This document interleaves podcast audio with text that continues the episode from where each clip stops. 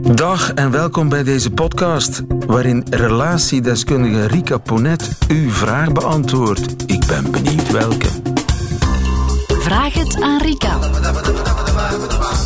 Het is een brief van uh, Louise vandaag. En Louise schrijft: Ik schrijf in naam van een groep wandelaars, vrienden voor wie wat ik hier beschrijf een zeer moeilijke zaak is. Alright. Mm Onze wandelgroep, schrijft Louise, bestaat al meer dan twintig jaar. Er is een vaste kerngroep die sporadisch verandert. Er kan iemand moeilijker wandelen bijvoorbeeld, een partner valt weg, er komt een nieuwe partner die wil meewandelen. Dat verloopt allemaal in een goede sfeer, de groep is op de hoogte van de nieuwe partner, er wordt nog een paar maanden gewacht vooraleer de nieuwe partner geïntroduceerd wordt in de wandelgroep. De nieuwe partner zoekt de eerste keren uit wat de cultuur is van de groep. Ja, niet simpel hè, zo'n wandelgroep. Wow.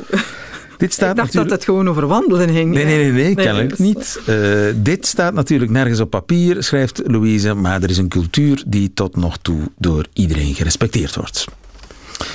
Maar een vriendin is na een zwaar ongeluk immobiel geworden en daardoor zeer afhankelijk van haar partner. Beiden wandelden mee. Sinds het ongeval lukt het alleen nog voor de partner. In de thuissituatie werden zij door velen van de groep ondersteund. Na vele jaren zorg, jaren zorg, heeft deze partner een nieuwe relatie. Een dame die regelmatig op bezoek kwam, maar langzaam werd duidelijk niet voor de gehandicapte vriendin, wel voor de partner. Sinds een paar maanden is alles een rollercoaster geworden. De partner die zorg nodig heeft, is voorgesteld in een trio-concept te stappen. Ja. Zij weigerde en heeft een aangepast woonverblijf gezocht. De nieuwe vriendin verschijnt nu onverwachts op samenkomsten van de wandelgroep. Er is nooit overleg geweest of op zijn minst informatie gegeven aan de groep. De nieuwe partner is zeer expliciet aanwezig. Ze is voor de mensen van de groep een loyaliteitsprobleem. Grootste probleem van de meesten is de snelheid waarmee alles verloopt. Het respectloze verloop naar zowel de vroegere partner als naar de vriendengroep. De onrust bij iedere wandeling geconfronteerd te worden met deze nieuwe situatie, met onze vriend en met zijn nieuwe partner. Hoe moet ik dit aanpakken? Ja, je blaast. Ehm, ik denk dat we dat zo'n beetje kunnen samenvatten, los van dat wandelen. Hoe ga je als vriendengroep om met een scheiding van Ja. vrienden? Hè? Want dat is het eigenlijk. Hè? Daar heb je meestal een soort loyaliteitsprobleem, hè? Ja, ehm, en ehm, ja, wat ik dan Voor wie kiezen we? Voor wie kiezen we? Ja. Moeten we kiezen? moeten we kiezen. Ehm, en wat je hier natuurlijk wel heel sterk voelt, ook al vanuit de manier waarop het verhaal verteld wordt, is ehm, ja, dat er toch een moreel oordeel ehm, wordt uitgesproken. Of dat dat leeft in die groep. En dat dat, dat ook hetgene is wat het nu zo moeilijk maakt. Hè, Hij heeft zijn gehandicapte vriendin in de steek gelaten. steek gelaten. En dan eigenlijk eh, wordt hij nog niet zozeer met pek en veren de wandelclub uitgekeken, maar is het vooral die nieuwe vriendin die, ehm, ja, waar zij de conclusie rond maken. Ze kwam niet voor de gehandicapte vrouw, maar voor, ehm, voor de man in kwestie. Dus dat is de foute, de stoute verleidster die ervoor gezorgd heeft dat dit nu ehm, gebeurd Ja, is. maar intussen is de sfeer in de wandelclub wel onder Ja. nul. Ehm, ik vind, ehm, en dat is, een, dat, is niet, dat is geen gemakkelijke, hè. je bent geëngageerd naar twee mensen, zeker als je daar dan ook in die thuissituatie, die duidelijk moeilijk was, hulp gaat bieden. Ehm, eh, er gebeurt daar dan iets waardoor je het gevoel krijgt, ja, hij, ehm, hij doet iets wat ingaat tegen mijn moraliteit. Ehm, hij bedriegt iemand die ik een, als een fijne vrouw ervaar, of waar ik veel empathie voor heb, voor haar situatie, voor haar moeilijke situatie. Ehm, dus je, je, je ziet ja, ehm, dat daar een, een vorm van boosheid en eigenlijk ook een gevoel onder zit van eh, wij zijn op onze manier ook een stukje bedrogen. Hè. Ja. Hij heeft, eh, Want hij zegt, er was geen overleg Ja, ehm, en, en het maar- is allemaal veel te snel gegaan. Hij heeft ze gewoon meegebracht en wel maar te Ja. slikken.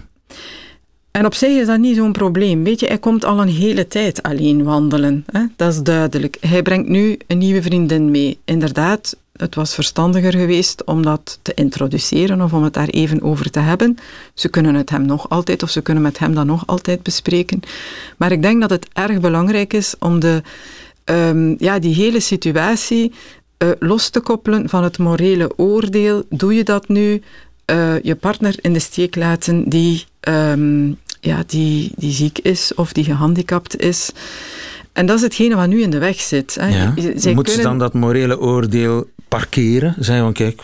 Het is in scheidingen nooit een goed idee om partij te kiezen. En waarom, lieven? Omdat je eigenlijk niet weet wat er achter de voordeur gebeurt. Dat weet niemand. Nee. We gaan daar altijd heel makkelijk van uit en van op een afstand. Uh, we vellen een oordeel, we kijken naar een situatie en we maken daar ons verhaal van. Uh, Niemand weet wat zich tussen twee mensen heeft afgespeeld. Absoluut niet. En dan gaan we heel snel ons identificeren met het slachtoffer. En waarom identificeren we ons makkelijk met het slachtoffer in dit verhaal dan? We zien dan als het slachtoffer de vrouw die gehandicapt is, ja, dat is ook de narratief, en die dan alleen eens moeten gaan wonen. Oh god, toch arme voorstel om in een trio verder te moeten. En hoe erg is dat allemaal niet? Eigenlijk is dat omdat je jezelf in die situatie inbeeldt. Mocht mij dat overkomen, uh, hoe erg zou ik dat vinden? Ik ben er zeker van dat er zijn in de wandelclub die zich ook identificeren met hem, hè, want dat doet ze nu helemaal niet. Een man ja, die getrouwd is met een vrouw die een zwaar ongeval heeft, daar jaren voor zorgt. Er komt iemand over de vloer die meehelpt zorgen voor die vrouw zoals dat wel vaker gebeurt, ik zie dat ook in andere contexten, een verpleegkundige komt over de vloer, een familiehulp, um, ja, die begint deel uit te maken van dat gezin. Je wordt daar verliefd op, want je bent al lang mantelzorger, al heel lang dat jouw behoeftes als man of als partner in die relatie niet meer aan bod komen. Je begint daar een relatie mee. Wie zijn wij om daarover te oordelen, wat er op dat moment gebeurt? En die gehandicapte vrouw ziet dat niet zitten om dat toe te laten of om daarin verder te gaan. Er zijn er die dat wel doen, hè, die dan op dat moment kiezen voor wij blijven samen. Ik ben blij dat dit verder kan gebeuren en wil jij voor die behoeftes dat verhaal, uh, oké, okay, is moeilijk, is lastig, is niet simpel. Maar we, ja, we nemen die horde. Dit hebben ze niet gedaan. Dat is een beslissing die ze niet genomen hebben. Maar nogmaals, waarom zou de keuze die hij maakt niet even goed gevalideerd kunnen worden als een hele moeilijke levenskeuze. Um, en dat dan maar gewoon gaan zien als ja, weet je, dat is een egoïst die zijn vrouw in de steek gelaten heeft, die kwetsbaar is. En hij komt hier nu nog eens paraderen met een te aanwezige uh, nieuwe Ik zit te denken, ofwel is hij jullie vriend uh, en wil je graag met hem wandelen, wandel dan met hem en met wie hem en lief is. En met zijn nieuwe keuzes, ja, absoluut. Als dat, dat niet het geval is, wandel niet met hem. Ja, um, ja, als het effectief, maar dat, dat zal niet voor, nog eens voor de hele club niet van toepassing zijn. Zeker weten dat er een aantal waarschijnlijk vrouwen zijn die zich heel hard identificeren met de positie van die afgewezen vrouw. Moet er een groepsgesprek komen? Ja, wie weet. Maar misschien even goed toch wel een aantal mensen die toch ergens ook wel sympathie hebben of empathie hebben voor de keuze die hij gemaakt heeft. En nogmaals, wij hoeven daar niet over te oordelen. Het gaat erover, uh, wij hebben die twee mensen graag gezien als koppel. Nu zijn zij geen koppel meer. Er staat niets in de weg om die twee mensen verder te ondersteunen of te laten zijn wie ze zijn. En we accepteren hun nieuwe levenskeuze. Um, en uh, ja, kunnen we absoluut niet om met die vriendin. Ehm, dan hoop ik dat dat echt gaat over het feit dat die vriendin niet leuk is op zichzelf, als mens, als vrouw. En dat dat dan de reden is, maar niet omdat je haar ziet als um, de oorzaak van die hele echtscheiding. Ja. Maar als de hele groep er nu achter komt, hij is eigenlijk een zak. Ach, lieve, dat is zelden zo. Ik denk dat niet. Waarom? Al die jaren hebben ze die als koppel ondersteund. Mocht dat zo'n klootzak zijn, dan hadden ze die toch al veel vroeger uit die wandelclub geduwd. Dus um, ik vermoed dat het echt gaat over ja, de keuze die hij daar gemaakt heeft. Eh, dat, weet je, als we oordelen, dan verliezen we ook een stuk empathie. Ja. En oordeel, dat gaat altijd over onze Niet eigen oordelen angsten. is soms moeilijk, hè? Hele moeilijke. Maar dat gaat echt over onze eigen diepere angsten, mocht mij dat overkomen. Ik zou dat verschrikkelijk vinden. En dus ga ik daarin een heel krachtig moreel standpunt innemen. Maar dat helpt niet in de context van een echtscheiding. Nogmaals, wat achter de deuren gebeurt, is soms een heel ander verhaal dan wat wij denken dat daar gebeurd is. Ik wens de, de groep nog veel wandelplezier. Ja, uh, ik ook. En er, het is al een hartig gesprek, een openhartig gesprek ja, tijdens het wandelen. Uh, waarom... De Hoge Venen, zeer geschikt. Moeten we daar aanvallend in zijn? Waarom kunnen we dat niet gewoon gewoon open bespreken. Hè. Spreek vanuit uw gevoel en bespreek het. Dankjewel Rika en dankjewel ook Louise voor je brief en je knoop. Ik hoop dat we jou uh, op weg geholpen hebben naar een, uh, nog een paar jaar wandelplezier ja.